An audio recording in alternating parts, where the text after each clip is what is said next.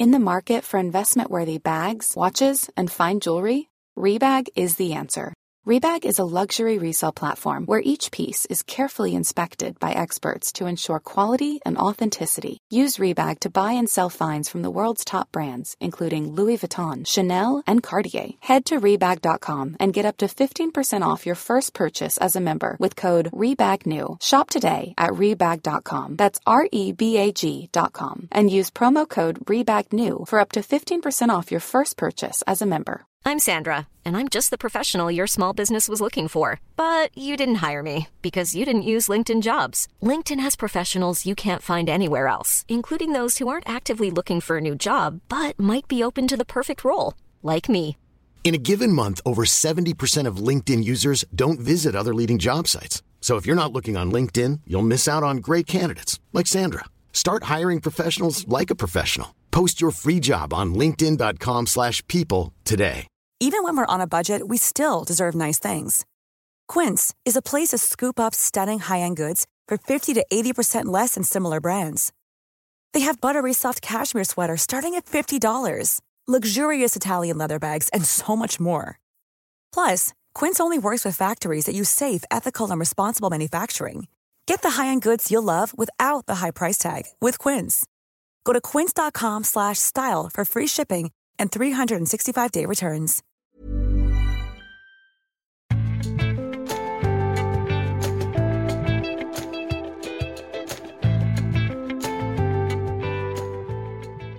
Denne ukens episode av Tore og Tarjei spilles inn eh, direkte fra Bildøy bibelskole. Tore Hjalme er på eh, Sunnmøre på reportasjereise, men her i medierommet på bibelskolen sitter Eivind Algerøy og meg sjøl, Tarjei Gilje, sammen med tolv andreårsstudenter på eh, bibelskolen her. Eh, Det har vi hatt stor glede av, Eivind. Ja da, vi har snakket om vanskelige spørsmål med veldig oppegående og reflektert ungdom her på bibelskolen. Så det var Har spørsmålet blitt lettere eller vanskeligere? Eh, I løpet av timen, eller Ja, i ja, løpet av vårt levetid? Ja. Det siste er kanskje ambisiøst. Nei, altså, det, det, vet du hva, det er faktisk et godt spørsmål, altså. Det, jeg, tror, jeg tror vi kom fram til noen ting, mens noen ting forblei ubesvart. Sånn er det kanskje.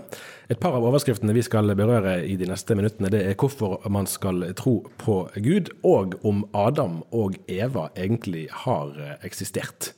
Så det er jo eh, ja, det er jo ting vi skal klare å håndtere på et par minutter. det. Ja, enkelt. Vi ville gjøre det sånn at, eh, at vi ville ha spørsmål fra elevene her, sånn at det ikke bare vi sitter og preker. Eh, Og det har vi, det har vi fått.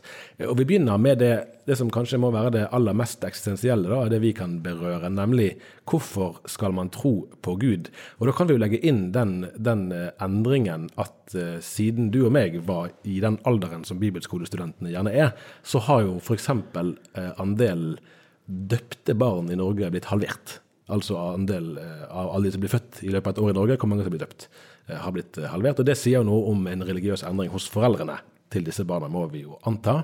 Eh, Hvordan ville du eh, Altså slags utvikling ser du når det gjelder hvordan det spørsmålet blir besvart eh, i 2022?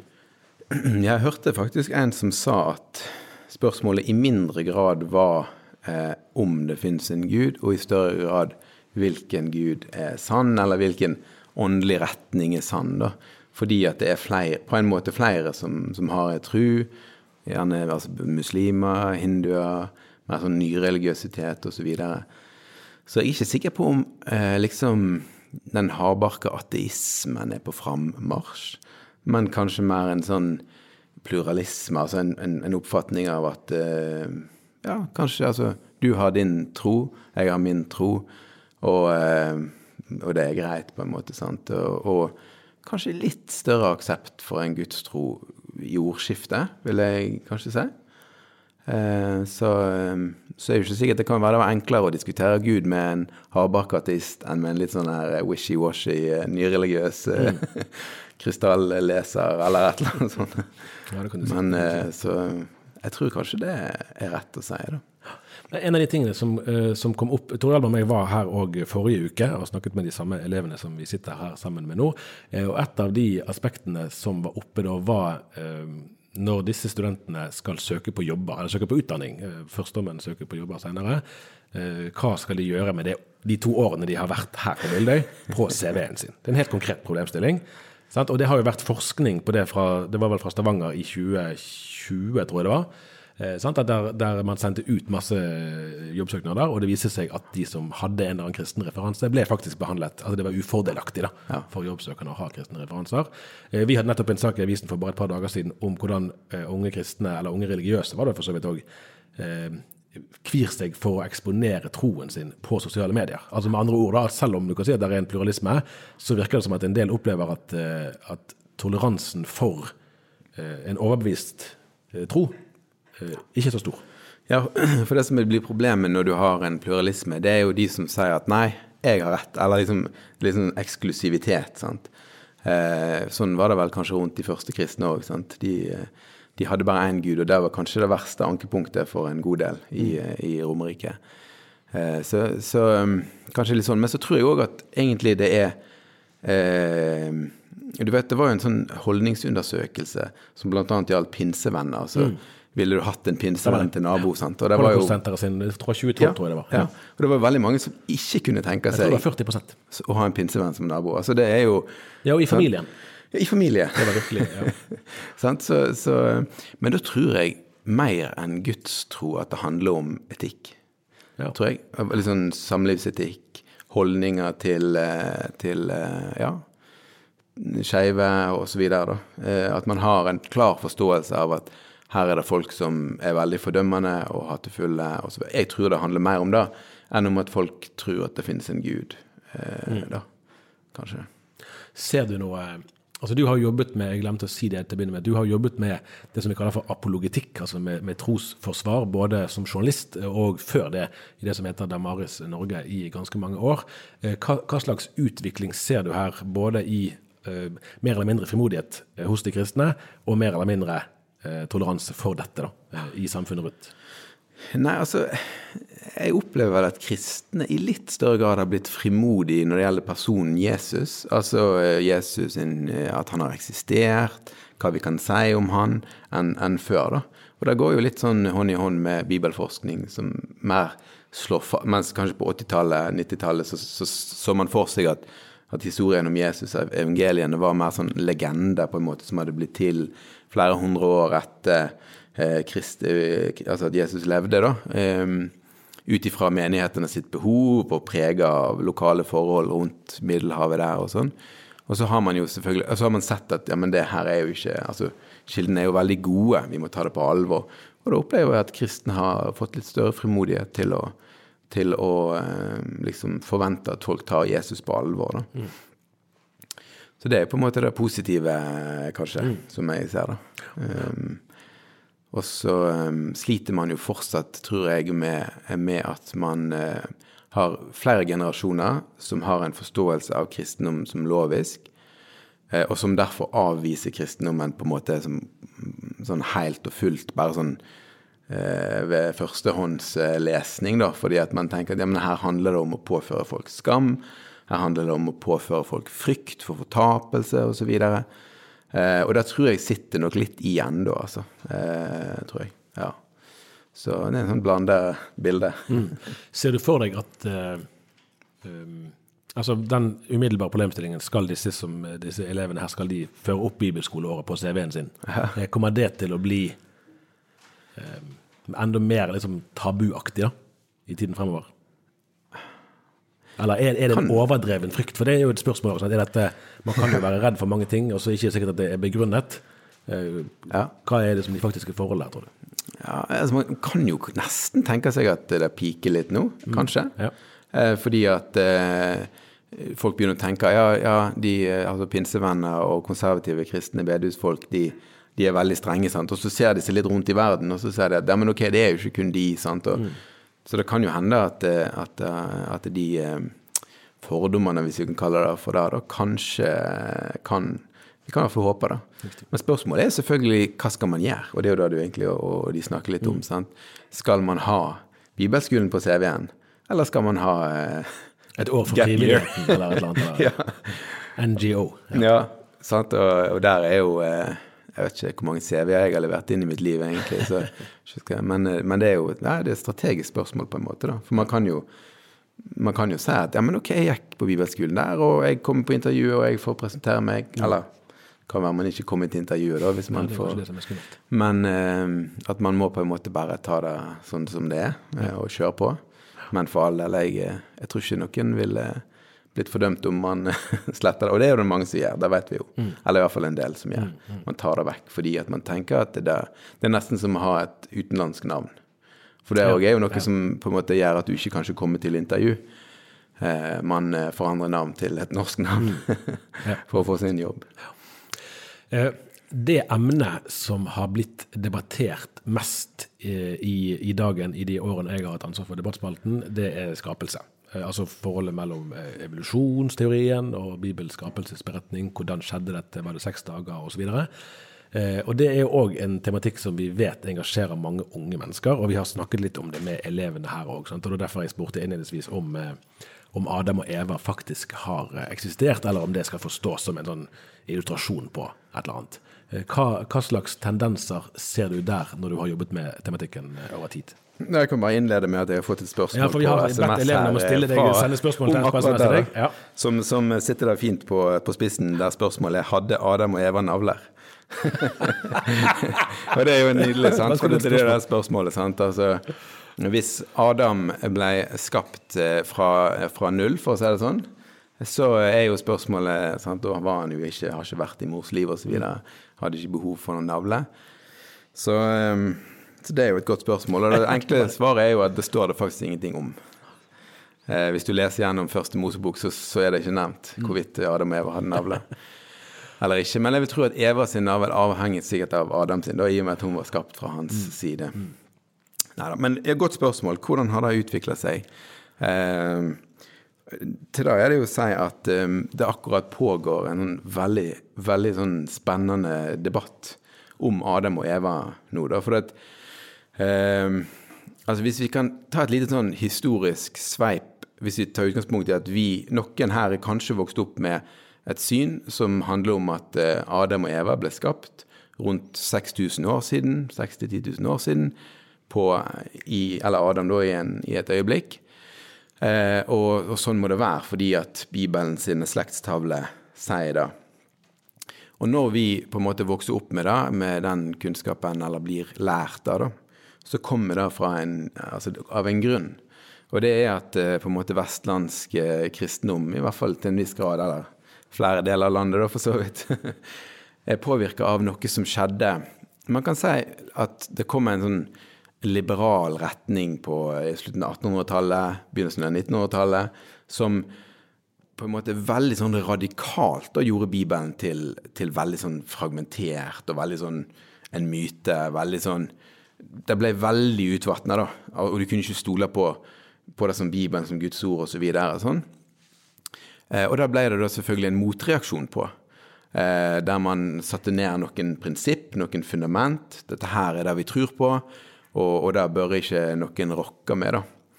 Og så har den liksom gått litt sånn fram og tilbake. Og, og, eh, og her til lands så, så, tror jeg at det er riktig å si at på sånn 70-tallet, 80-tallet, så kom det en veldig sånn sterk bølge av uh, dette her med at uh, skapelsesveka og skapelsesuken er uh, de dagene de er. Seks dager. Ferdig arbeid. og sånn må vi tenke, for ellers så kan ikke vi ta Guds ord på alvor. jeg tror at, Og så har man på en måte vokst opp med det synet, da. Men da blir jo selvfølgelig utfordra av vitenskapen. Sant? Altså, hvis du spør en forsker hvor gammel er, er universet, så får du kanskje svar sånn 13,4 milliarder år. Altså siden Big Bang. Og jorda, ja, kanskje 3-4 milliarder år, kanskje, noe sånt. Eh, ja, mennesket, da. Ja, det er kanskje, kanskje en million år til ned til sånn 300 000 år. Ned til kanskje 40. Spørs liksom hvor avansert menneske du tar for å være menneske, da. Og så er spørsmålet hvordan skal du få den firkanten til å passe inn i den rundingen? sant? Eh, og da er jo det lett for å tenke at det du enten må gjøre, det er å tro på Bibelen og tenke at det er seks dager, eller tro på vitenskapen og tenke at det er 13,4 milliarder år med utvikling som ikke er styrt på noen måte, men som er liksom tilfeldighet og utvalg. Eh, og den debatten der, da, er veldig spennende. Mm. Eh, og eh, man må ikke bli for brei her, men eh, William Lane Craig er jo en veldig sentral kristen Han er filosof og teolog. Han er vel apologetikkens Espen Rostrup Nakstad? ja, ja, det kan du godt si. altså. Akkurat nå så jobber han liksom Han har forska i en, en mannsalder. Altså, han har gått på svært gode universitet. Han er veldig, en veldig flink fyr, for å si det sånn, for å si det enkelt. da. Eh, og så har han, nå jobber han gjennom sin teologi, da, for han, han skriver et sånt stort eh, systematisk teologisk verk. Eh, og så kom han til eh, skapelsen, sant? og så har han gått gjennom det, og liksom hva, hva, hva, mener han egentlig om det? Og det har utløst en debatt, der han faktisk han plasserer eh, Adam eh, rundt sånn kanskje 700 000 år før Kristus. Mm. og ser for seg at der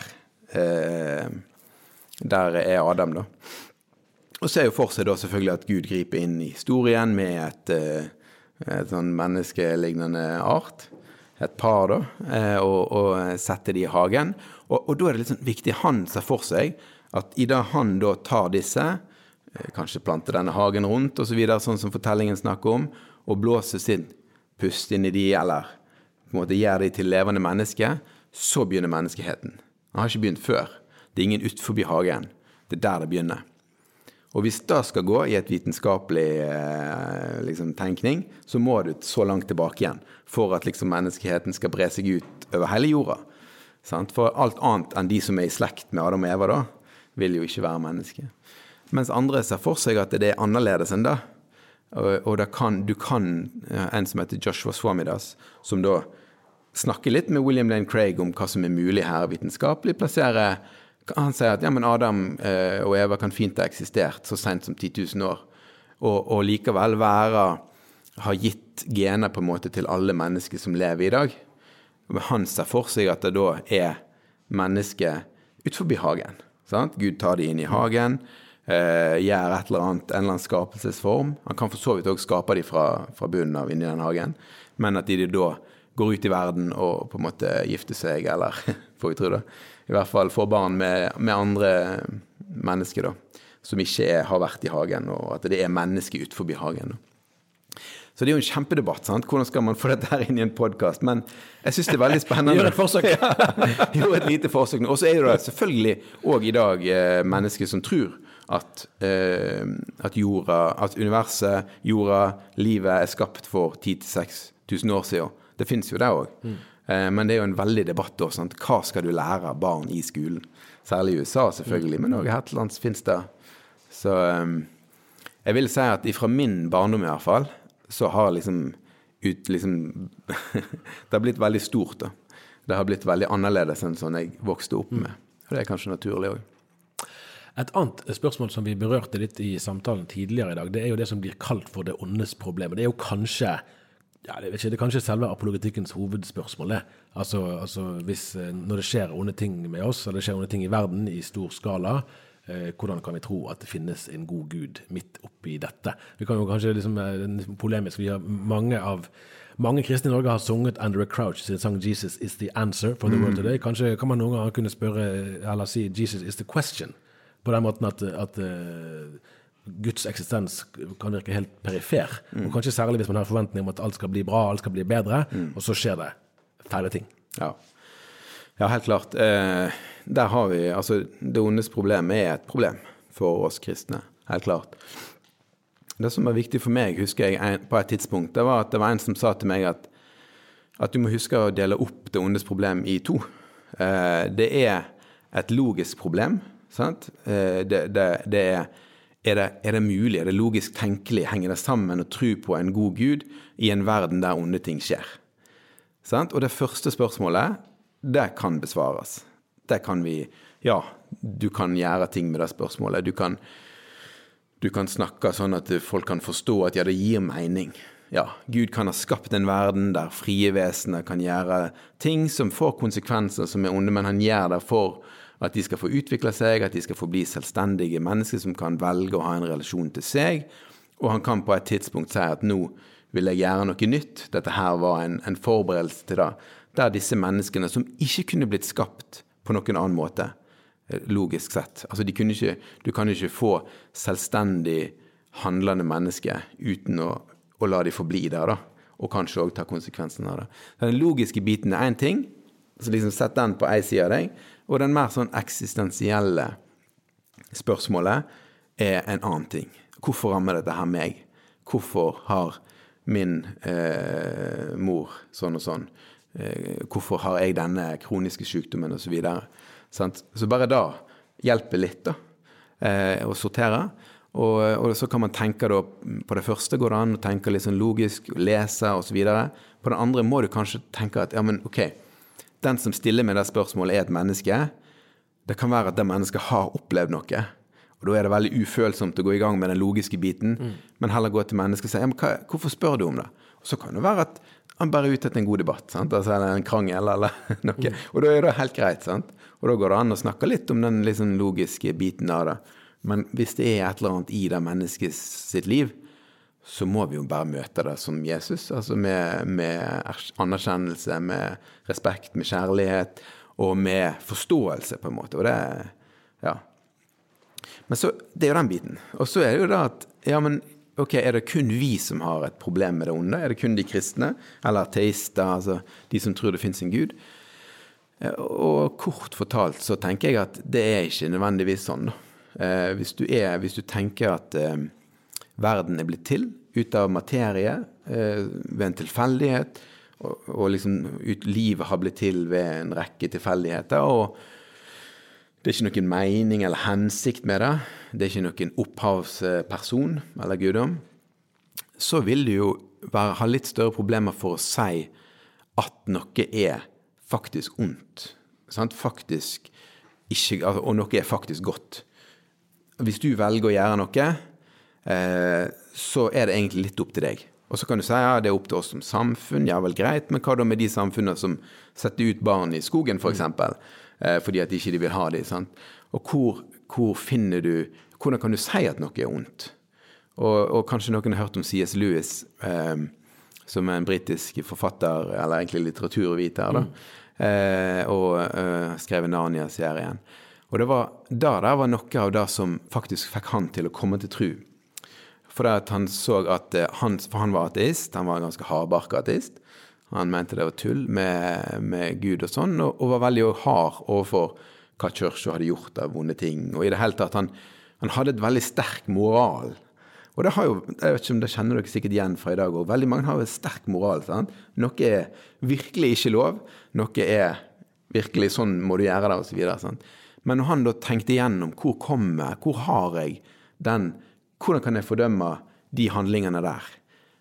Og så kom han til at ateismen hans, da, eller liksom materialismen, altså at alt er materie, hadde ingen instans som kunne si at eh, noe var absolutt galt. Da. Så han fant ut at han, han, dømte, på en måte, men han hadde ingen målestokk. Da. Og det er jo et problem som jeg tenker at en ateist eller en som ikke har en, en gudstro, må tenke gjennom. Da. Og som vi kanskje kan utfordre på.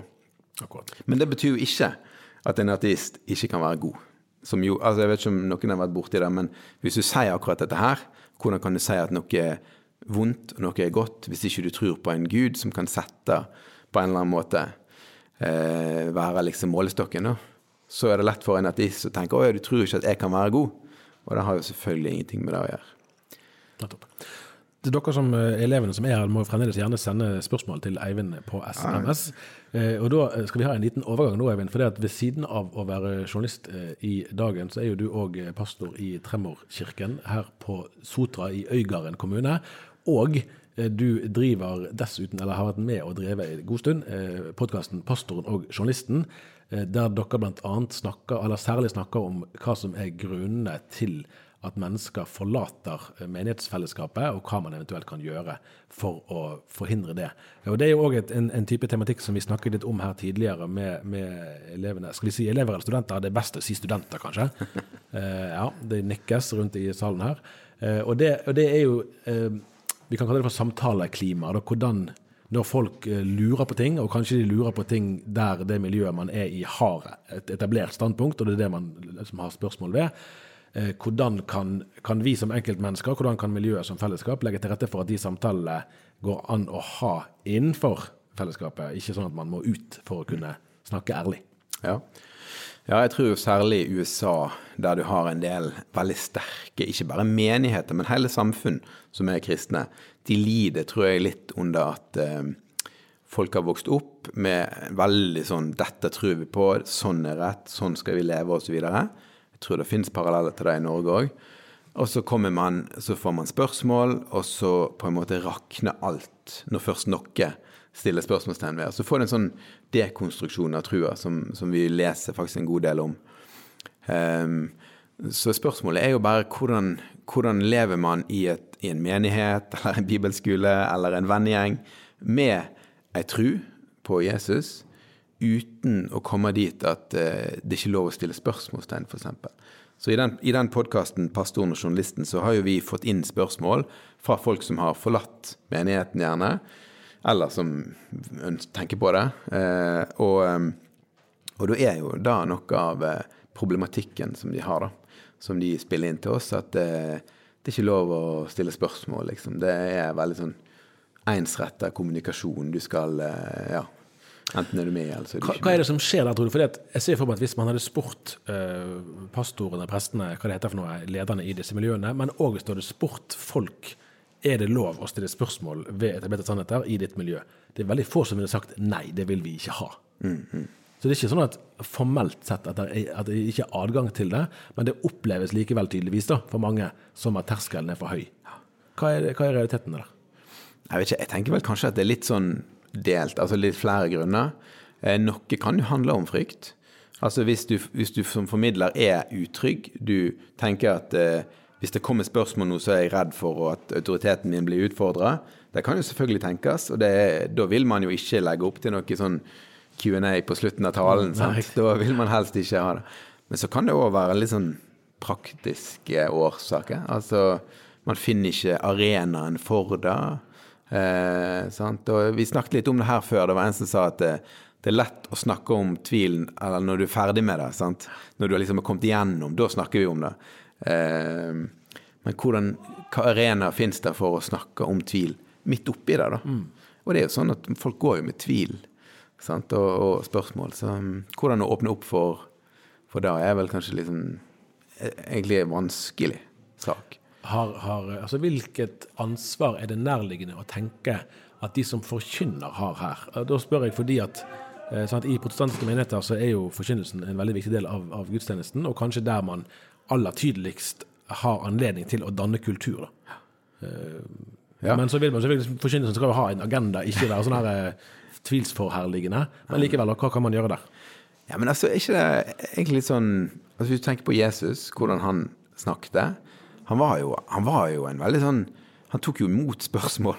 Sant? Han prata med folk, og det var jo gjerne de samtalene som ble til de eh, altså, altså, tatt inn i de nye evangeliene, sant? og som ble på en måte vår lære. Sant?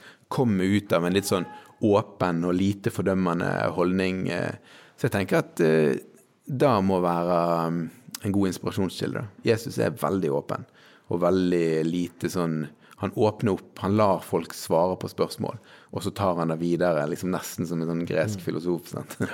Så um, jeg vet ikke, jeg. altså det, det jo, man, Men eh, det er åpenbart at det er en utfordring, i hvert fall, mm. Eh, for en forkynner. Ja. Uh, utfordring i menigheten, menighetene rundt forbi. Mm. At forkynnerne er for lite, liksom ja, Kanskje for konkluderende. Kanskje for lite Tar kanskje for, i for liten grad inn over seg de spørsmålene som finnes. da. Ja. For Fra USA finnes det jo forskning på altså i størrelsesorden type 70 av de som vokser opp i, i kristne ja. menigheter, forlater de i løpet av livet. og Det snakket vi med studentene om, at det var noen som kunne gi tilsvarende anslag fra sin egen, ja. sin egen vennegjeng. Så det må, det må det, for Jeg lurer av og til på, er det litt sånn rart at ikke det snakkes mer om akkurat det der. For i enhver sammenheng, om det er et politisk parti, speiderbevegelse, fotballag, hva som helst, hvis du har et 70 eh, frafall og ja. Da mener jeg ikke nødvendigvis frafall fra troen, men i hvert fall frafall fra fellesskapet. Det, det, det må jo være noe det er jo krise. Som, ja, det må være noe som ikke stemmer. Det er jo krise. Det er jo det. Det er jo krise. Og jeg har jo fått inn mange spørsmål. Bare når vi nå kom inn her sant, så, og hatt litt undervisning i forkant, så kommer det jo inn masse spørsmål her. sant. Eh, som, som, man, eh, som man lurer på og grubler på. Sant? Og Si litt, si litt om ja, jeg kan jo ta noen spørsmål. Sant? Um, konkrete tips om å møte de som er sårbare for våre kristne holdninger og meninger. Sant? Eh, hvordan kan jeg møte en som er sårbar, og få han eller henne til å føle seg oppreist? Sant? Eh, til tross for at man kanskje ikke er enig med det han eller hun eh, står for å, å leve, leve ut. Da, sant? Hvordan unngår man å virke støtende uten å gå bort fra det man står for? Sant? Det, det er spørsmål. Så tenk, tenk å være i en menighetssammenheng, og så blir det satt på plakaten, liksom. Da blir omtalt i en trygg setting. Sant? Det er jo et kjempespørsmål. Sant? Og igjen, vise tilbake igjen til Jesus. Det var jo det han drev med. Altså, han kom jo med noe nytt. Han kom med Guds rike. Han presenterte det, og han var kanskje litt hard i klypa med enkelte fariseere, eller liksom, la oss si ledere, da. Mens eh, med de som på en måte han møtte, og som var sårbare, så var han jo mild og, og god. sant? Og han fikk innpass eh, hos de, og ja. Så eh, jeg tenker her- òg, sant. Ja, Der var det en tydelig rød tråd egentlig mellom spørsmål òg, da. Ja, ja, det? det er sant. Er det noen andre tematikker som går igjen der? Hvordan forholde seg til nye åndelige retninger, som krystaller, yoga, det å finne sitt indre osv. Det er kjempegode spørsmål.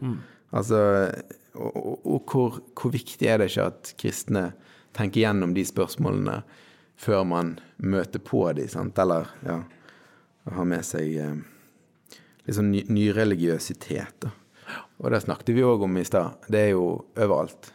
Det, vi møter jo på det. Sant? Det, du kan, skal ut, vi, eller meg og min kone skulle handle noen presanger før jul.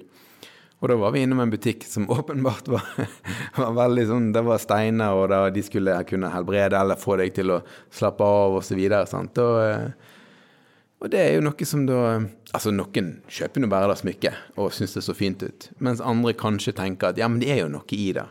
Det er jo noe i det. sant? Og så har du de som selvfølgelig tror fullt og helt på det og praktiserer det osv. Og jeg tenker jo sånn, ja, men hva er det de jobber med, da? De jobber med steiner, krystaller osv. Hvem er det som har skapt de? Det er Gud som har skapt de. Det er Gud som har skapt skaperverket. Det er godt. Hvis noen får noe godt ut av skaperverket, så går det jo an å ha en samtale om eh, liksom, ja, hvem som har skapt dette her, da. Hvem, hvordan tror du disse tingene har blitt til? sant? Og når du føler en god energi når du går ut i naturen barbeint på gresset osv. Sånn, I stedet for å si ja, du er nutcase, du, du er liksom ute og kjører, så går det jo an å si så fint, da. Det høres godt ut. Og jeg tror faktisk at eh, liksom, dette her er skapt med en hensikt, da. Og at eh, skaperverket er faktisk gitt til mennesket for å nyte det, og for å eh, forvalte det godt, osv. Så, videre. så det går an å ha noen samtaler hvis man ikke liksom bare går på den første intuisjonen Ja, ja. og avskriver det, kanskje. Ja. Kan Og så, si og så må jeg jo si selvfølgelig at vi må ha et bevisst forhold til hva i, når man går inn i en annen type religion eller osv. Så videre, sånn? Men det må man jo tenke litt gjennom. Kan vi si der egentlig at til det første der, sant, som går på hvordan, hvordan eh, det går an å formidle det man står for, uten at det blir unødig sårende eller provoserende for den man snakker med. Um, og til det andre, uh, som går mer, oppfatter jeg, på uh, hvordan ivareta troen i et flerreligiøst samfunn. Dette er jo egentlig problemstillinger som er alt annet enn nye. Eh, Det, det svinger nok litt sant, i aktualitet og, uttrykk, men egentlig det her kan man lese i Nytestamentet. Det var sånn, altså det var, det var veldig pluralistisk eh, virkelighet de vokste opp i. Hvert fall, i hvert fall når de kom ut av den jødiske konteksten, men også selvfølgelig eh, Israel. var jo, altså Det var alle typer nasjonaliteter som var innom der, og så videre. sant? Så, men de vokste jo opp. Kirka har vokst opp i et samfunn som er veldig pluralistisk, og har møtt disse tingene eh, sikkert noen ganger dårlig, men kanskje andre ganger godt. da. Ja, ja. Eh, ja. Så her er det mange spørsmål. Jeg skal ta noen flere. Ja, gjør det. Ja. Eh, ja, du kan jo si at eh, dette her, sant Er det en fasit på hva en kristen skal tenke om innvandring? Sant? Det er jo et kjempebra spørsmål. Eh, og igjen så er jo altså altså, Det gjelder jo når man nå, I en podkast så skal man jo helst svare litt kjapt, sånn, så jeg kan jo prøve det. Men klart når man, når man møter spørsmål, så er det jo viktig å tenke hva ligger bak. sant? Og her er det selvfølgelig bare at jeg har bedt dere stille spørsmål, og så har dere stilt spørsmål. Men, men, så det, men det er litt fint å tenke på, da. at um, og da har jeg snakket litt med folk om i det siste. Hvor god Gud du møter i GT. Altså, Ja. for en god Gud du møter i GT.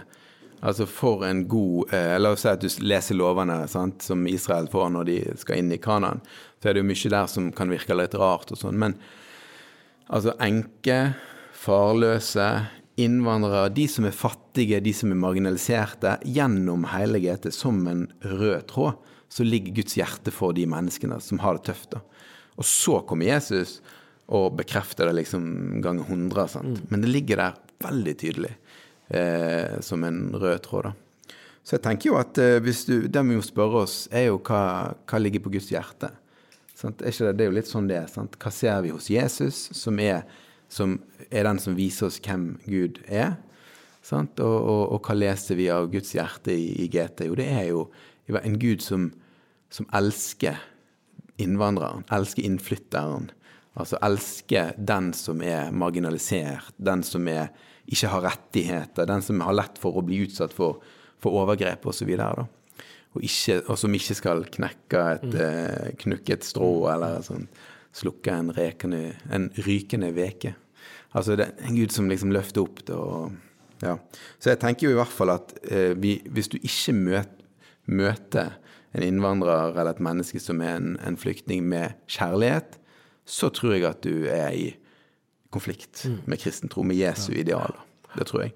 Og så kan vi selvfølgelig si at nærmest sånn og sånn politisk Jeg tenker at det beste er sånn ja, altså Man kan ha ulike syn på det, men hvis du ikke har kjærlighet, så tror jeg at uh, noe er galt. Akkurat. akkurat.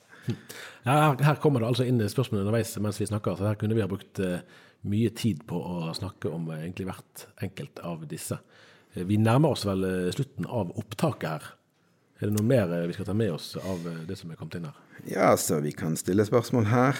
Hvorfor er det relevant å forholde seg til kristendommen med dette om Gud og Jesus, eh, altså Jesus som levde, og den moralen og etikklæren kristendommen snakker om? Sant? Og det er jo et spørsmål. Eh, det kan kanskje uttrykkes som eh, Hvorfor skal jeg tro på Eller hvorfor skal en 2000 år gammel bok ha noe å si for meg? Eller en eventyrbok? Eller liksom Hvorfor? Sant? Eh, Er dette relevant? Og, og jeg tenker at eh, igjen, da, så er jeg veldig glad i å peke på Jesus.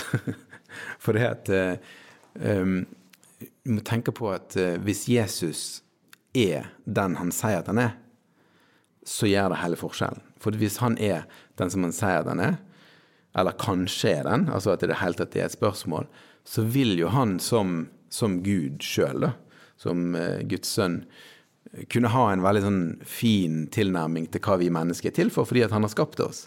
Og han har skapt oss eh, til seg sjøl, til relasjonen med seg osv. Så, videre. så da blir jo Jesus plutselig en, et interessant moralsk eh, forbilde, i stedet for å være en mann som levde for 2000 år siden. Og sånt. Så det gjelder jo å peke på det, da, tenker jeg.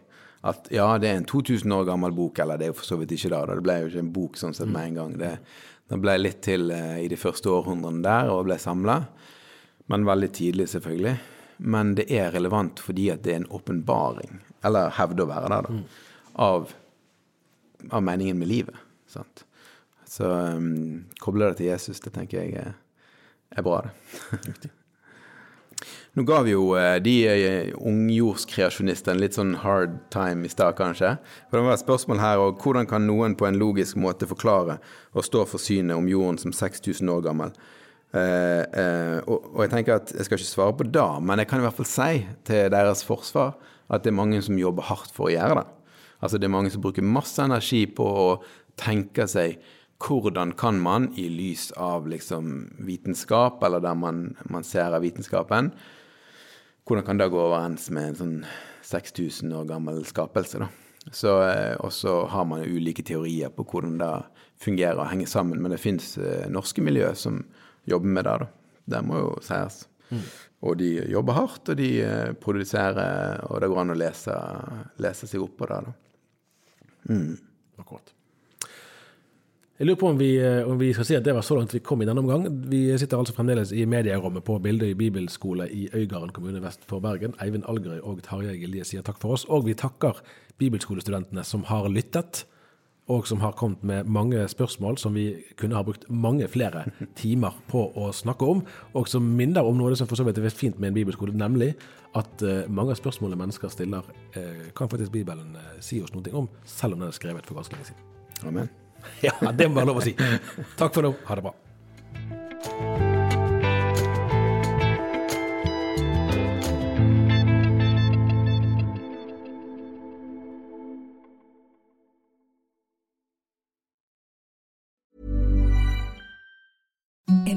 Softest sheets you've ever felt. Now imagine them getting even softer over time. That's what you'll feel with Bowl and Branch's organic cotton sheets. In a recent customer survey, 96% replied that Bowl and Branch sheets get softer with every wash. Start getting your best night's sleep in these sheets that get softer and softer for years to come. Try their sheets with a 30-night guarantee. Plus, get 15% off your first order at bowlandbranch.com. Code BUTTERY. Exclusions apply. See site for details. Hi, I'm Daniel, founder of Pretty Litter. Cats and cat owners deserve better than any old-fashioned litter. That's why I teamed up with scientists and veterinarians to create Pretty Litter. Its innovative crystal formula has superior odor control and weighs up to 80% less than clay litter. Pretty Litter even monitors health by changing colors to help detect early signs of potential illness. It's the world's smartest kitty litter. Go to prettylitter.com and use code ACAST for 20% off your first order and a free cat toy. Terms and conditions apply. See site for details. Planning for your next trip? Elevate your travel style with Quince. Quince has all the jet setting essentials you'll want for your next getaway, like European linen, premium luggage options, buttery soft Italian leather bags, and so much more. And is all priced at 50 to 80% less than similar brands. Plus, Quince only works with factories that use safe and ethical manufacturing practices. Pack your bags with high-quality essentials you'll be wearing for vacations to come with Quince. Go to quince.com slash pack for free shipping and 365-day returns.